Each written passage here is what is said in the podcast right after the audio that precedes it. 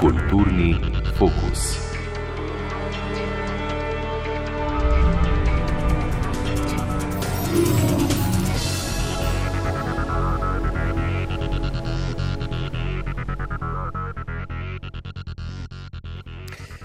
Pesmi in romani, drame in kratke zgodbe, epi in eseji nastajajo na vseh celinah in v vseh državah sveta. Pišejo in berejo jih moški in ženske, pišejo in berejo jih stari in mladi, pišejo in berejo jih bogati in revni. Ustvarjali so jih pred petimi tisočletji in prav nič ni videti, da jih bo s pričo tehnološke oziroma medijske revolucije človeštvo kdaj v prihodnje prenehalo ustvarjati. Besedna umetnost je skratka videti v pravem pomenu besede univerzalna. A kako misliti vso to množino in raznolikost literarnih del, ki nastajajo od ognjene zemlje do Kamčatke, od Grenlandije do Tasmanije?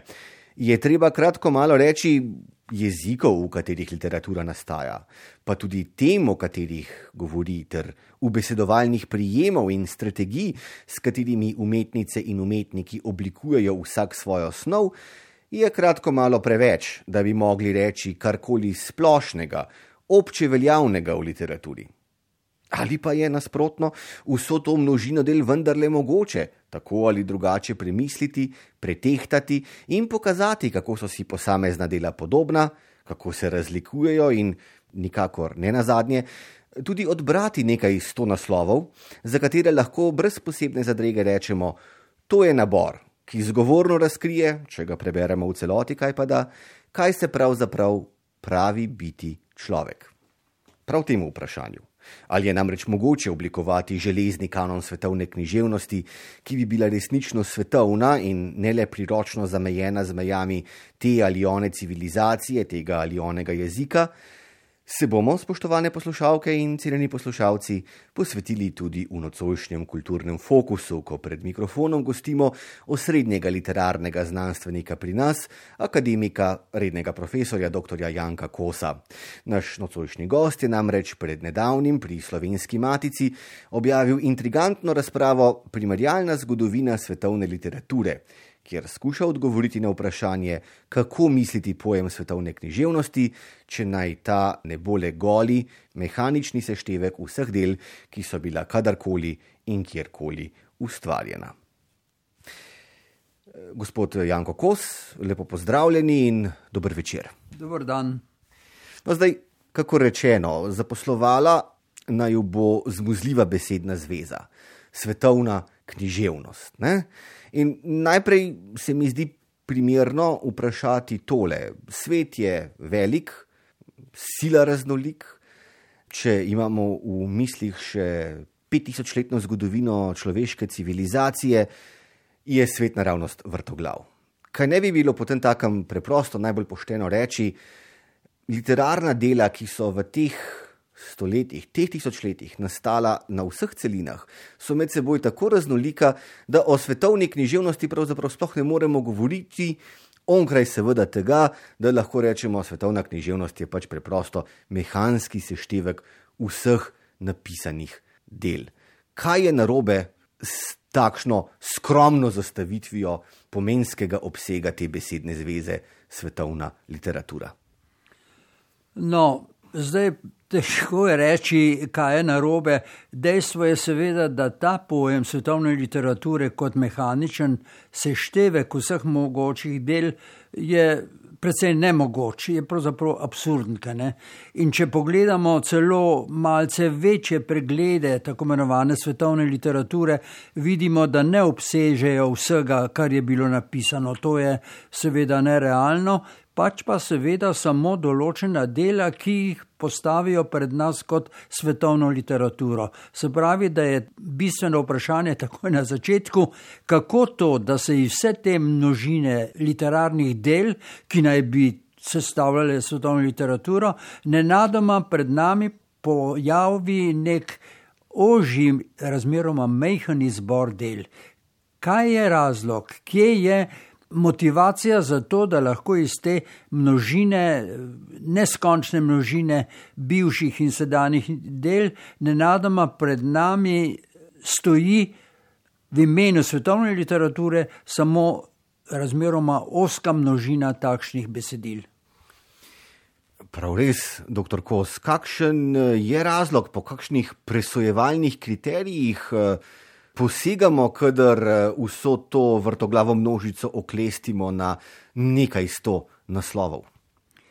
No, razlog je preprosto ta, da obstaja napisan ali pa ne napisan kanon svetovne literature, se pravi, svetovni literarni kanon obstaja, očitno obstaja, tako kot obstajajo, seveda, kanoni posameznih nacionalnih literatur. Obstaja kanon slovenske literature ali nemške, jasno, zdaj je problem, kako od takih posameznih kanonov pridemo do kanona svetovne literature. To je verjetno problem, s katerim se je ukvarjal že Goethe, približno leta 1827-29, ko je pravzaprav kot eden prvih uporabljal pojem svetovna literatura. Seveda, njegov pojem je bil pač v znamenju takratne romantične kulture, ki je prva pravzaprav razširjala obzor zlasti nemškega literarnega okusa proti drugim literaturam v Evropi in tudi proti recimo indijski literaturi, celo kitajski. No, in eh, Goethe je bil seveda mnenja, da je vseh teh literatur prihaja do njega vrsta del, ki so nenavadno privlačna, ki so takšna, da ga tako rekoč navdihujejo. Se pravi, da je že mislil na nekakšen kanon, ki nas se skriva v množici teh prevedenih, tudi iz azijskih jezikov, del, in je mislil, da to je tisto, iz česar nastaja svetovna literatura. V tem ožjem pomenu besede, se pravi, on je že mislil na ta kanon. In mislim, da lahko naštejemo nekaj del, ki jih je po njegovem mnenju treba šteti za vredne takšnega kanona. Od evropskih literatur je okoli leta 30, 1830 zelo pazljivo bral Stendala in že ugotovil, da je to tisto, kar bo spadalo v kanon evropske literature, eventualno v kanon svetovne literature. Vemo, da je cenil kakšna indijska dela, recimo Kalidasovo dramo Šakuntala in tako dalje. Se pravi, tu je že poskus, kako nabrati iz te množice del tisto, kar lahko predstavlja svetovno literaturo v tem normativnem smislu. Zdaj, na eno vprašanje je verjetno tole, kako lahko nastane tak svetovni literarni kanon? Kdo ga lahko sestavi? A je tu kakšna avtoriteta, kakšen ja, prav avtokrat, literarni avtokrat, ki bi ugotovil, to spada sem, tisto pa ne. Ne, jaz mislim, da je stvar zelo preprosta. Ta svetovni literarni kanon sestavljajo kanoni posameznih nacionalnih literatur. Vprašanje je, ali spada preširn v svetovni literarni kanon. A mogoče zato, ker je tako znan na kitajskem in povsod, verjetno so ga tudi tam kaj brali ali prevajali. Skratka, problem je vendarle ta, da ko se sestavlja kanon svetovne literature, je jasno, da tisti, ki ga sestavlja, prisluhne kanonom posameznih nacionalnih literatur. Vemo, da od slovencev so v obsežnih leksikonih za svetovno literaturo samo nekateri. Sigurno je tam Preširn, tudi Cankar, tudi Župančič, se pravi tisto, kar je v slovenskem literarnem kanonu obveljalo za vrhunsko, za tisto poglavitno. Tako da ta Eh, razprava o svetovnem literarnem kanonu je pravzaprav v bistvu preprosta. Sestavljanje je iz posameznih kanonov, posameznih nacionalnih literatur. Van je prišlo recimo iz kitajske literature tisto, kar že stoletja velja za vrhunske dosežke takšne e, literature in tako dalje. In tako dalje. Stvar je razmeroma preprosta, kaj ne. Ampak eh, predstavljam si, doktor Kos, da bi bilo mogoče reči takole. Ne? Uh, nek kitajski, ruski ali ameriški literarni zgodovinar, ki se zdaj razgleduje po literaturah vsega sveta, ne?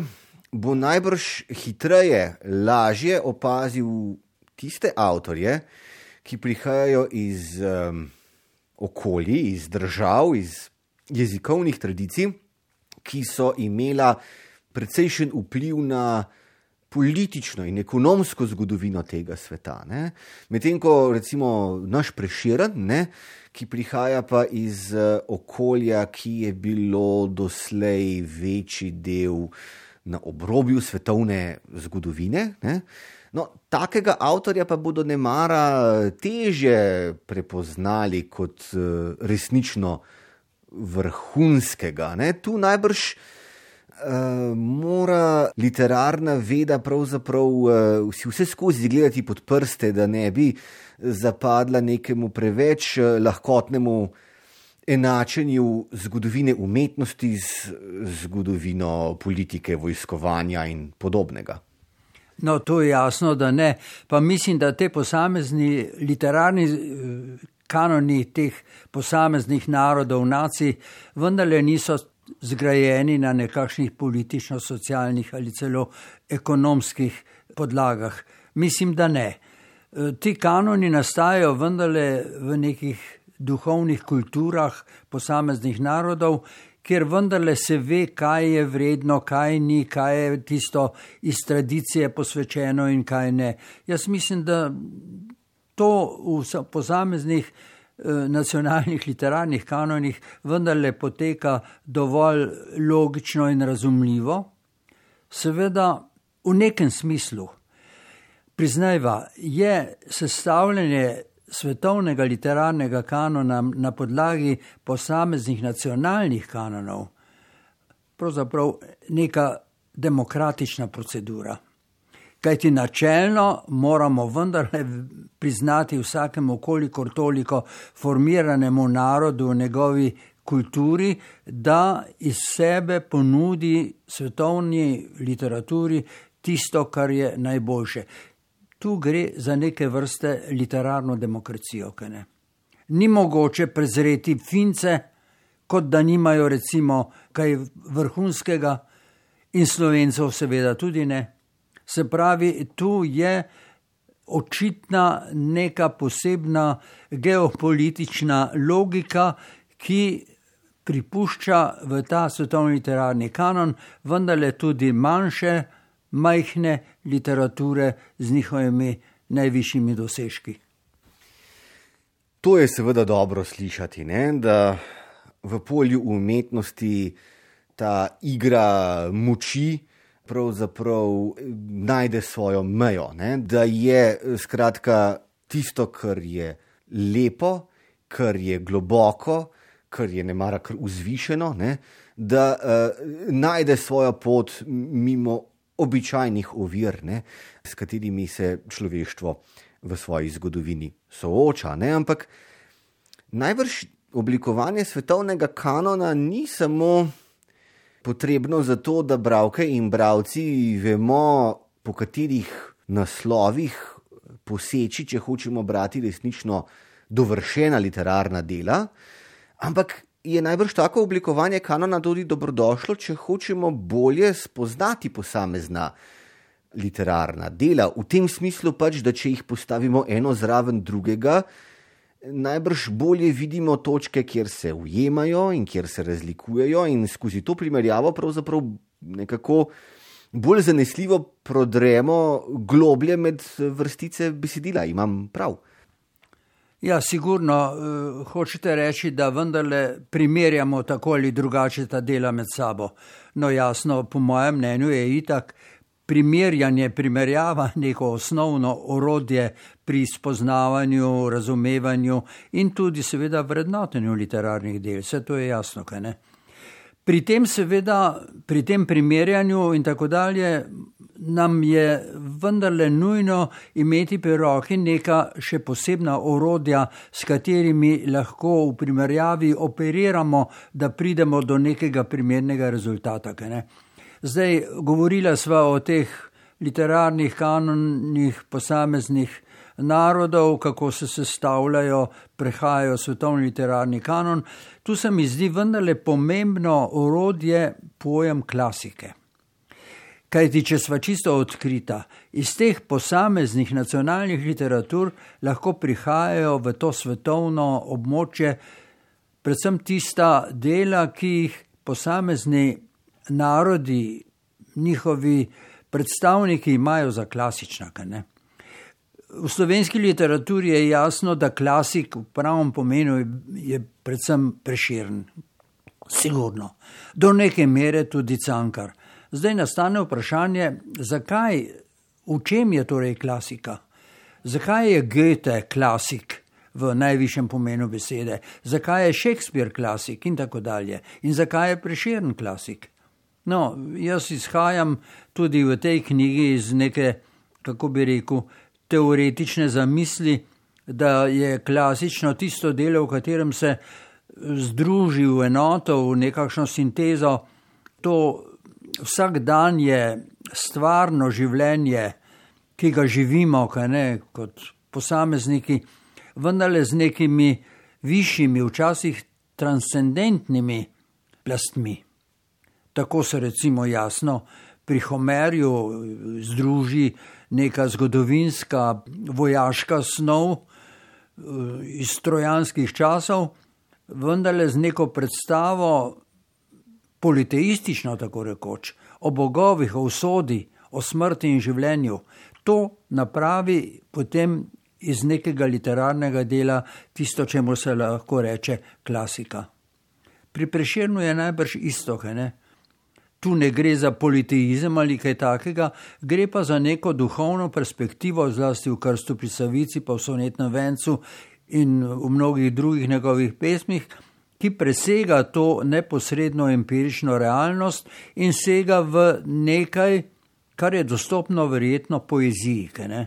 ne samo religiji, ampak tudi poeziji, in to se v poeziji odkriva, seveda, kot nek smisel življenja, ki presega vsakdanjo empirijo. In to je najbrž nekakšen pogoj za klasiko. Se pravi, to je pogoj, da neko delo nacionalne literature prostopi vrata v svetovno literaturo, kjer je priznano kot klasika, kot posebna nacionalna klasika.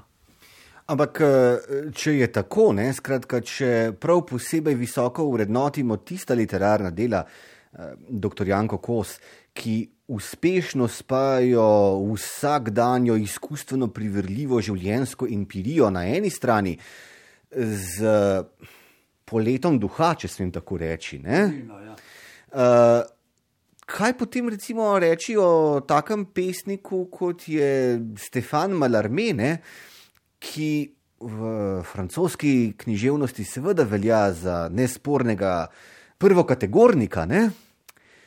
ampak o kakšni življenjski empiriji, ne, pa v njegovih sonetih, v njegovih pesmih, pravzaprav ni ne duha, ne sluha. Zdi se, da Malarme ustvarja pesem samo še iz jezika in da je vsa. Vsakdanja življenjska stvarnost iz te poezije izgnana, kaj to pomeni, da potem takem malarme ne more zares stopiti v kanon svetovne književnosti. No, v resnici Malarme je že precej časa del svetovnega literarnega kanona, to je sigurno. Zdaj, vaše vprašanje je pravzaprav eh, zelo nevarno vprašanje. Kako eh, videti v Malarmeju klasika na ta način? Zdaj pravite, vsakdanje stvarnosti pri njem skoraj da ni. Tu in tam se pojavi kakšen labot ali kaj takega, to se pojavi, seveda, ampak zelo spremenjeno skozi jezik, ne, nekaj, kar očitno ni več realno, in tako dalje. In tako dalje. Se pravi, pri Malarmeju je problem ta, da od vse stvarnosti ostaja pravzaprav samo jezik. Ta je del stvarnosti, vsakdanje stvarnosti. Ne bo njegova francoščina še takšna ali drugačna, ampak to je vendarle francoski jezik, ki ga govorijo, so ga govorili živi, realni ljudje. Drug problem je seveda za me ta, kako pa stopa v to jezikovno tvorbo, ki vendarle izhaja iz realnega jezika, neka nadstvarnost, nekaj, kar je nadempirično, kar je transcendentno. Tu je pa problem v tem, da je malarme velik ravno zato, ker je tako, kako bi rekel, genialno prelil v svojo poezijo neko dojetje sveta, ki je bilo v njegovem času očitno v spredju. Jaz mislim, da to dojetje sveta je metafizični nihilizem. In ker je on tako mojstersko to zajel v te besedne tvorbe, je dosegel tisto, čemu se lahko reče moderna klasika. Ne glede na to, ali nam je metafizični nihilizem všeč ali ne, ampak to je neka vrhunska duhovna situacija, ki je nastala pač na osnovi večstoletnega razvoja in ki jo je on zajel v to poezijo na ta način, da vidimo, kje stoji ta poezija v duhovnem smislu. Potem vas bom pa izval s primerom z drugega konca tele Gaussove krivulje, namreč krivulje zapletenosti pri umevanju literature. Ne? Če je malarme, se zdi težak ne? za bralca ali bralko, ne? kaj pa lahko na drugi strani recimo rečemo o drugem kanoničnem delu, tokrat arabske književnosti, se pravi o pravljicah tisoč in ene noči. Ne? Tu pa se zdi, da je vse podrejeno opisovanju nekega stvarnega, empiričnega življenja. Ne? O transcendenci se zdi, da skoraj eh, ne more biti govora, in zlahka si predstavljamo, da te zgodbe beremo zgolj in samo za tisti kratkočasni užitek. Ne? no, vse zadnje, Harun al-Rashid, ki je izval pripovedovanje teh zgodb, jih posluša za svoje veselje. Ne? Zdaj se sprašujem, ali bi rekli, da tisoč in ena noč ne sodi v kanon svetovne književnosti, kolikor se zdi, da je to idealno razmerje med empiričnim in transcendentnim v tisoč in eni noči, vendarle manjkavo. No, to je pa bolj hudo vprašanje. No, pri tisoč in eni noči je seveda treba reči, da očitno spada v kanon svetovne literature. Ni pa to klasika v tistem smislu, kot so klasika, kaj vem, Eneida, Divina komedija, Faust, Hamlet, Preširn in tako dalje. To je nekaj drugega, po mojih pojmih, po mojih, kako bi rekel, tipoloških pojmih je seveda tako, da tisoč in ena noč in mnoga druga podobna dela spada v tako imenovani veristični tip literature, se pravi neke literature, ki ostaja blizu vsakdani stvarnosti, njenim bolj ali manj slučajnim, naključnim pojavom in seveda tudi vrednotam. Problem je samo v tem, da takšna literatura lahko spada v svetovni literarni kanon, verjetno zato, ker je med mnogimi podobnimi izdelki te vrste vrhunska po svoji izvirnosti, po svoji mnogoličnosti, po svoji barvitosti, po svojih estetskih kvalitetah, ker tisoč in ena noč ima, seveda, ta zbirka ima te estetske kvalitete, ki so zelo izjemne po domišljiji, po likih, po fabulah in tako dalje. In tako dalje. Se pravi, da bova popravila najno definicijo, kaj lahko stopi v svetovni literarni kanon, v tem smislu ne samo ta klasična dela, ampak tudi vrhunska dela drugačne vrste. In recimo je to tudi tisoč in ena noč. No, zdaj, ko je jasno, ne, da moramo to klasiko vendarle razumevati na nekako fleksibilen način, no, če si pomagam z danes modno besedo. Ne. Pa moram vendarle opaziti, ne, da Eh, na stari celini se mi zdi, predvsem zauzeto beremo dela, ki so nastala na stari celini. Ne? In da kot bralke in bralci nismo ravno fleksibilni, ne? ko gre za to, da bi posegali recimo ne? po klasikih japonske, kitajske, perzijske, indijske ali arabske književnosti, ne? kakor da so nam ta bolj tuja, kakor pa to lahko rečemo recimo, ne? za Šekspira ali Voltera ali Dostojevskega. Um, koliko je tu posredi nek nereflektiran predsodek, koliko pa so ta dela resnično precej drugačna od tistega, s čimer ne, v šolskem sistemu eh, v Sloveniji se seznanimo, s čimer kot bralke in bralci odrastemo. No, problem je verjetno v tem, da jasno si želimo in dobro razumemo evropska literarna dela, Dostojevskega ali karkoli podobnega. Ampak včasih se pa naveličamo lastnega sveta in se želimo odpreti nečemu, kar je daljno, kar je tuje, kar je nenavadno.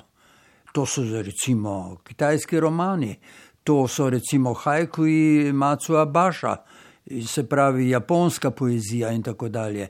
Ne, mislim, da je tu razlog, da vendarle od časa do časa ali pa celo zelo pogosto posežemo iz tega evropskega literarnega horizonta v horizonte drugih literatur, pravzaprav kultur, ali če smo čisto odkrita, civilizacij, seveda. Ne?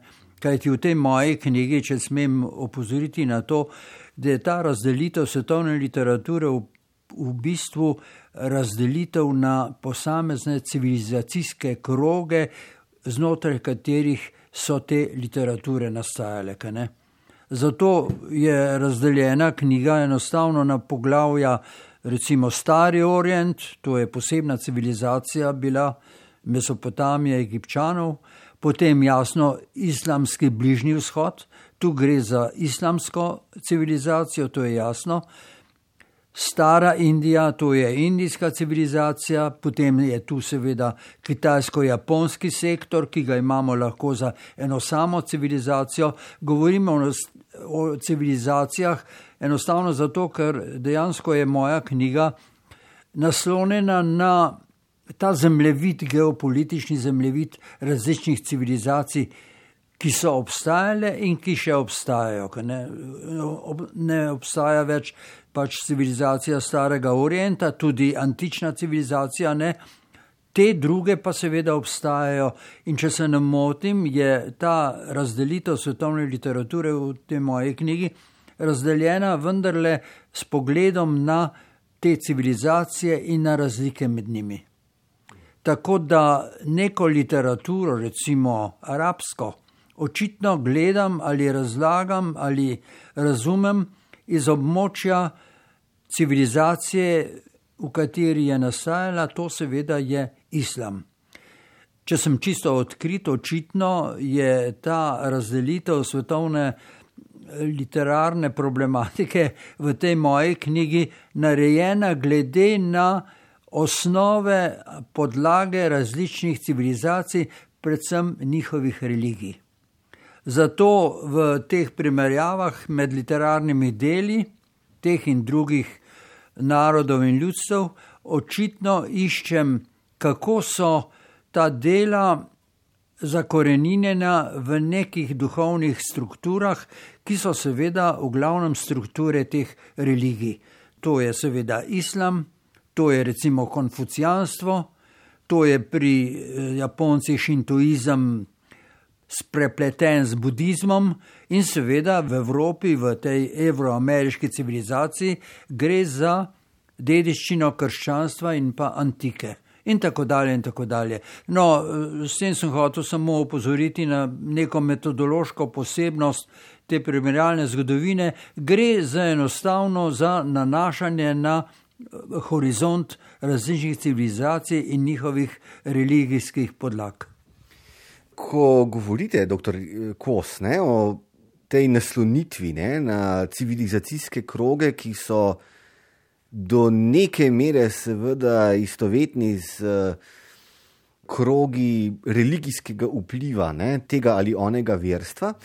Se seveda sprašujem, ali je to ne mara zato, ker tudi seveda vse religije zmorejo, prav kakor klasika v literaturi, ne, povezati človekovo vsakdanjo življenjsko empirijo z nekim uh, globokim temeljnim premislekom o človekovem mestu v kozmosu, o njegovem razmerju do neke transcendence in podobno.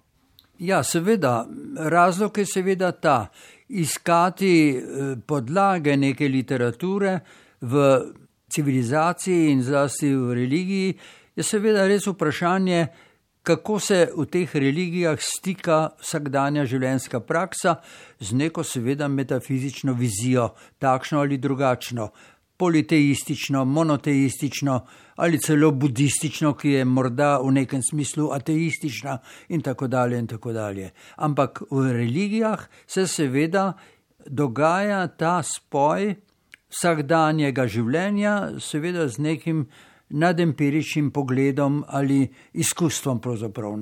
In to seveda je prišlo iz religije v literaturo, ampak lahko se je v njej razmahnilo prav zato, ker poezija je tista, ki enakovredno religiji lahko izdeluje to sintezo, veliko sintezo transcendence, neko imanenco. Pravite, ne? poezija je enakovredna lahko religiji. Ne? In zdaj se seveda predstavljam, da naj jo posluša nekaj sodobnih slovenskih romanopiscev, ki so ravno kar skočili v zrak. Ne? Kaj samo poezija to zmore, kaj pa vendar proza, kako na tanko razumete besedo poezija, doktor Kos v tem kontekstu? Jaz mislim, da jo razumem seveda nekoliko širše. Jasno je, da ne gre samo za verze, ne gre samo za slog. Enostavno poezija kot beseda Vemo, da v času romantike, v času Hegla, je pomenila toliko kot literatura. Se pravi, pomenila je tisto višjo obliko literature, ki ni samo formalno izdelovanje neke proze ali verza. Poezija je tu zamišljena v duhovnem smislu. Tako jo je razumel jasno Goethe, tako jo je razumel tudi Hegel in tako dalje. In tako dalje. Se pravi, da če uporabljava besedo poezija, jo moramo, glede na svetovno literaturo, uporabiti v tem najširšem pomenu besede. Razumem. No, zdaj govorila sva seveda kar veliko o literarnih eh, tradicijah in kanonih, ki imajo svoje korenine v deželah onkraj Evrope. Ne? Ampak uh, mislim, da je prav, da se seveda uh, malo podrobneje spregovoriva o zahodni, euroameriški literarni tradiciji in njenem kanonu. Tudi, uh, namreč uh, to se mi zdi posebej utemeljeno zato, ker je najbrž vsaj od. Uh, 19. stoletja, ne, od polnega razvitja evropskega kolonialnega projekta, Euroameriška literarna tradicija strahovito vplivna. Ne? Začela je vplivati tudi na tiste literature, ki so bile predtem uh, povsem sklenjene same v sebi, recimo Kitajska ali Japonska, se zdi ta tak odličen primer. Ne? In uh, zato moramo vprašati, seveda, ali je literatura, ki nastaja v kontekstu Zahoda, preprosto kratko malo najboljša literatura ali med najboljši in najvplivnejši ne moremo potegniti nekega enostavnega enačaja. No, s tem se je odprli problem, s katerim se moja knjiga pravzaprav neha. Mislim, da zadnji stavek govori ravno o tem, da ta evroameriška literatura jasno vpliva na vse druge stare, tako imenovane orientalske literature in da je torej nosilka tega, čemu se reče literarna globalizacija. Se pravi, povezava vseh literatur sveta v nek en sam, kako bi rekel, knjigotrški proces. Kaj ti jasno je, da ta literarna globalizacija ima podobo neprestanega literarnega kapitalizma. To je dogajanje, ki se širi od New Yorka do Tokija, od Pekinga do Buenos Airesa. To je en sam krogotok literarnih del preko literarnih semnov, festivalov, založb, knjigotrških oglašanj in tako dalje. To je ta v bistvu vendarle obrat, to je literarni obrat, ki pa mislim, da nima vloge in pomena, ki ga ima svetovna literatura zgrajena na nekem kanonu. Ne, v tem obratu literarne globalizacije vlada pravzaprav samo še tržna logika, hitra, od leta do leta, ponujajoč neke novosti, ampak vse veva, kako se to dogaja, vse vidiva vsakdanjega življenja, iz teh poročil o tem, kaj je išlo, kaj je se je prevedlo in tako dalje. To je obrat, ki neprestano poteka in je v nekem smislu zmeraj naglejši, zmeraj hujši. Tako da je to neka drugačna predstava o svetovni literaturi, kot jo lahko razumemo, če seveda gledamo na literaturo kot neko resno zadevo. Ne. Tu je pred nami vendarle nek obrat, ki ga je med prvimi napisal, seveda ali označil ali razumel Marx v komunističnem manifestu, namreč beremo na nekem mestu o svetovni literaturi, ta izraz je Marx očitno pobral iz Goetheja, malo predtem ga je Goethe uporabljal in razložil, ampak seveda že v smislu neke ekonomistične teorije o tem, kaj je ta literatura. Kako se bo širila, čisto s kapitalom, z literarnim kapitalom po celem svetu. Se pravi, Marx je predvidel ta pojem te literarne globalizacije in ga je zelo ostro razumel kot kapitalski proces. Ampak to ni naš problem. Naš problem je svetovna literatura v svojih najvišjih duhovnih dosežkih in to seveda samo na podlagi svetovnega literarnega kanona oziroma posameznih nacionalnih kanonov kot uh, vprašanje pod črto, potem takem, preden se vrnemo nazaj k kanonu evropske, euroameriške literature, dr. Kos. Um, kaj hočete reči, da je večji del tega, kar prihaja na naše knjižne police v prevodih, no pa se ne samo na naše, najbrž podobno velja za vso prevodno literaturo na tem svetu, da je večji del te produkcije pravzaprav vprašljive kakovosti ali kako? Absolutno, absolutno. Prepričan sem, da skoraj 80 do 90 odstotkov vsega tega je sicer hvale vredno branje lahko, mogoče za eno leto, dve ali celo deset let, ampak kaj več nekaj. Ne? To ni tisto, kar bo ostalo v svetovni literaturi kot dosežek, ki ga lahko priznavamo v smislu tega svetovnega literarnega kanona. Pri tem seveda vas lahko upozorim še na neko posebnost v tej moji knjigi. Namreč zdaj nastaja vprašanje, če upoštevamo kot del svetovne literature tako različne literarne kroge iz različnih civilizacij in tako dalje, nastane seveda vprašanje, ali so ti krogi, te civilizacijsko-literarne oblike po vrednosti različne. Recimo, da je evroameriška literatura a priori nekaj višjega od kitajske ali indijske. Tu je bil problem, s katerim sem se očitno ukvarjal, ko sem pač sestavljal to knjigo. Namreč na koncu knjige je v literaturi, ki sem jo moral upoštevati, naveden zlasti Hegelke, ne? Heglova predavanja o estetiki. Ampak za Hegla vemo, da je absolutno rangiral svetovno umetnost glede na njen razvoj od nižjih k najvišjim oblikam, se pravi od simbolične umetnosti, to je umetnost orienta, preko klasične, to je umetnost antike, do evropske, ta je pa romantična. In tam je najvišja, ker je v razvoju svetovnega duha seveda dosegla to najvišjo stopno, ki je seveda umetnosti sploh dostopna. To je ta teorija.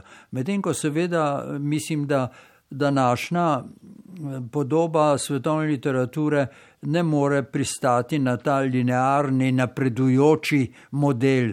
Ne, vse te civilizacije so si vendarle po svojem bistvu enakovredne.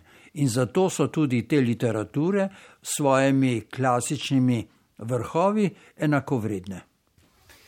V tem smislu je potem takem eh, svetovna literatura kot nek resnično železen kanon na tanko, seveda dokaz, da je tisto, kar nas druži kot ljudi, kot človeštvo, resnično še kako utipljivo in eh, nas ne smejo potem takem še kako resnične razlike med eh, ljudmi različnih obdobij, kultur, civilizacij in ozadij eh, preslepiti za našo skupno človeškost. Ne?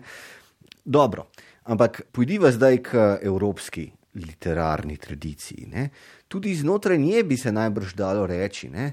da je literatura, ki je nastajala na zahodu stare celine, ne? v Italiji, v Franciji, v Angliji, v Nemčiji, pa v Španiji, pogosto prepoznana kot boljša, bolj dovršena, pomembnejša, daljnosežnejša literatura od tiste, ki je nastajala v drugih deželah. Ne? In to celo v takšnih literarnih velesilah, kakršni sta recimo Rusija in Poljska. Kako, eh, doktor Kos, skratka, eh, gledate na to neenovito mapo evropske književnosti? No, evropska literatura, tu misliva seveda predvsem na literaturo v celinski Evropi, ne na ameriško, ki seveda tudi spada zraven. Ampak ta literatura seveda je po svoje vendarle tudi neenovita. Je sicer potekla iz nekega skupnega temelja, to je antika in krščanstvo, ampak seveda v teh različnih regijah Evrope je razvila zelo posebne eh, značilnosti, tako da jasno, ruska literatura se bistveno ločuje od francoske ali angliške. To je jasno, kaj ne. Je istega evropskega tipa, ampak vendarle bistveno drugačna. Razlika seveda je spet ta v nekem smislu religijska, kajti francoska literatura je nastajala v katoliškem svetu, ki se je polagoma zelo sekulariziral, zelo, zelo, medtem ko ruska raste iz pravoslavja in celo v času, ko je tudi sama zapadla sekularizaciji, celo ateizmu in tako dalje, je ohranila nekaj tega pravoslavnega, sigurno, kaj ne. No, to ni videti samo pri Dostojevskem, ki se izredno priznava k pravoslavju, ampak tudi pri drugih, recimo celo pri Maksimu Gorkem, ne ki je na zadnje bil vendarle nekakšen sovjetski ali filokomunističen pisatelj. Ne, tudi v Evropi je odločilna vendarle neka temeljna religijska razlika, to je razlika med katolištvom, protestantizmom, pravoslavjem in tako dalje. In v teh krogih, v teh literarnih regijah, ki so religijsko določene, se seveda dogaja to, o čemer govoriva. Kaj pa potem takem lahko rečemo o eh, srednjeevropskem eh, prostoru, kot eh, tistem prostoru, kjer se pravzaprav srečujeta približno enakovredno eh, katolicizem in eh, različne veje protestantizma. Tu imamo najbrž upravka z neko sinkretično mešanico, pa tudi že za nemško književnost, menda lahko rečeva nekaj podobnega, kaj ne? No, jaz na koncu te knjige uvajam v razpravljanje, seveda, kot domnevo razdelitev eh, evropskih literatur na posamezne velike literarne regije. In ena od teh regij se mi je pokazala kot tipično srednjeevropska. Se pravi, med vzhodnoevropsko, kamor jasno spada predvsem kot velika, osnovna ruska literatura in med to zahodno, ki jo predstavlja precej tesen sklop različnih romanskih in germanskih literatur. Ampak med tema dvema poloma obstaja seveda vrsta literatur od severa prav do juga, ki jih lahko imamo za srednje evropske. Po mojem eh, mnenju spadajo sem ne samo tele temeljne Češka, Poljska in Mačarska, ki so za Srednjo Evropo sigurno najbolj značilne, ampak tudi manjše, robne, jaz bi jim rekel robne in medne spada tudi seveda slovenska literatura, ki ima na sebi mnoge značilnosti tistega, čemu se lahko reče srednja evropskost. E, ima jih seveda že od vsega začetka, kajti dejstvo, da smo izumili ali dobili knjižni jezik in s tem seveda književnost, recimo najprej samo crkveno, versko, iz reformacije. To je seveda zanimivo ne samo za slovensko literaturo, ampak tudi za druge, ki jih, po mojem mnenju, lahko štejemo med srednje evropske. In to so seveda tudi take literature, kot so bile ali so litovska, latvijska, estonska, finska celo finska in estonska, pa tudi latvijska literatura so se začeli z reformacijo, tako kot mi. Tudi oni so imeli svoje trubarje, svoje prve prevode Biblije in tako dalje. Ta začetek je podoben in mislim, da tudi nadaljni razvoj teh literatur je šel v podobno smer in to je tisto, kar je značilno za to srednjeevropsko območje. Ker se zlagoma bližava sklepu najnega nocojšnjega pogovora, dr. Janko Kos, bi vas pravzaprav rad vprašal e, še tole. Ne? Zdaj, slovenska književnost je, to je jasno, od uh, Trubarja naprej, ne, seveda, uh, upeta v nek širši evropski kontekst.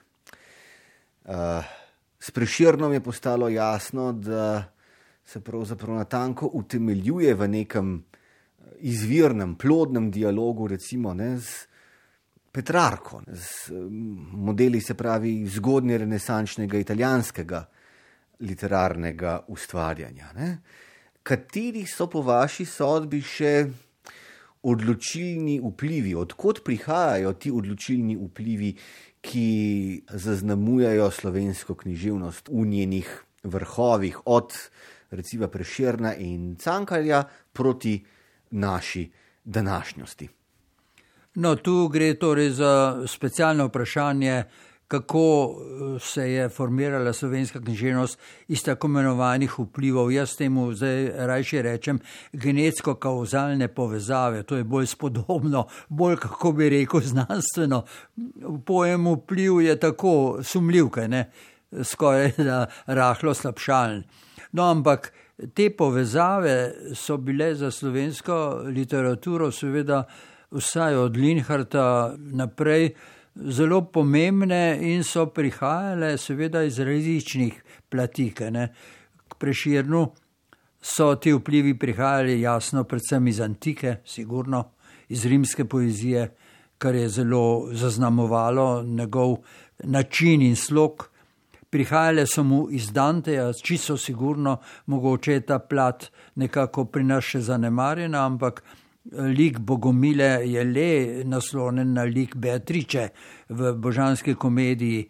Prihajale so mu seveda tudi iz sodobne romantike, iz Byrona in tako dalje. To je že znano in Tako da iz tega lahko samo povzamemo, da je slovenska literatura bila z drugimi nacionalnimi literaturami res v zelo tesnih stikih in da je iz njih črpala, ampak to so bile seveda evropske literature, da bi mi segli svojo literaturo po neke spodbude v zunaj evropske. To ne, razen v najnovejšem času. Pri pesmih Daneta Zajca imate občutek, da črpajo iz nekih neevropskih povezav.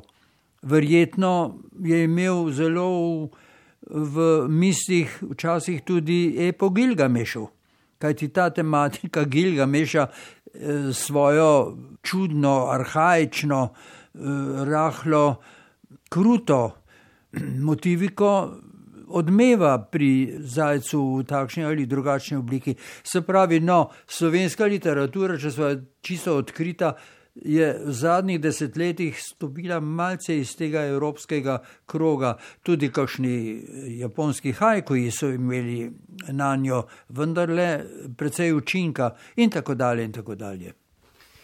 Ja, potem takem eh, to pomeni, ne, da bolj ko so naše knjižne police dobro založene, ne, večja je verjetnost, da bodo naši ustvarjalke in ustvarjalci našli neko zanimivo, plodno spodbudo tudi v prihodnje in da se vsi skupaj menda lahko veselimo ne, nastajajoče, še ne napisane slovenske literature ali kako.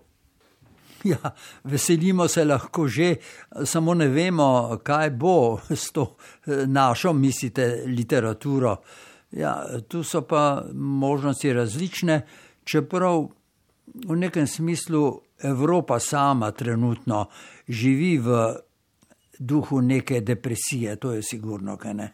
Tako da lahko upamo na najboljše, čeprav seveda z rahlim dvomom kaj se nam lahko v literaturi obeta in česa morda ne bomo doživeli na ta način, kot smo bili navajeni v teh stoletjih, ki so bila za evropsko literaturo vendarle silno pomembna, pravzaprav jasno vrhunska.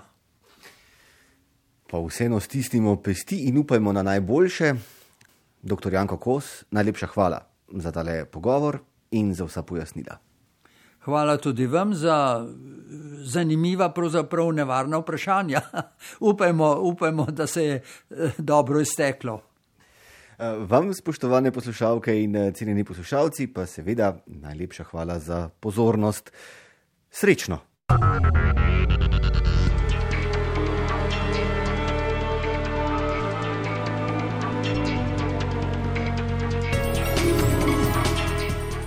Tem smo prišli do konca tokratnega kulturnega fokusa. Oddajo, ki lahko prisluhnete tudi v obliki podcasta ali jo poiščete na spletni strani prvega programa, sem pripravil in vodil Goran Dekleva. Kulturni fokus.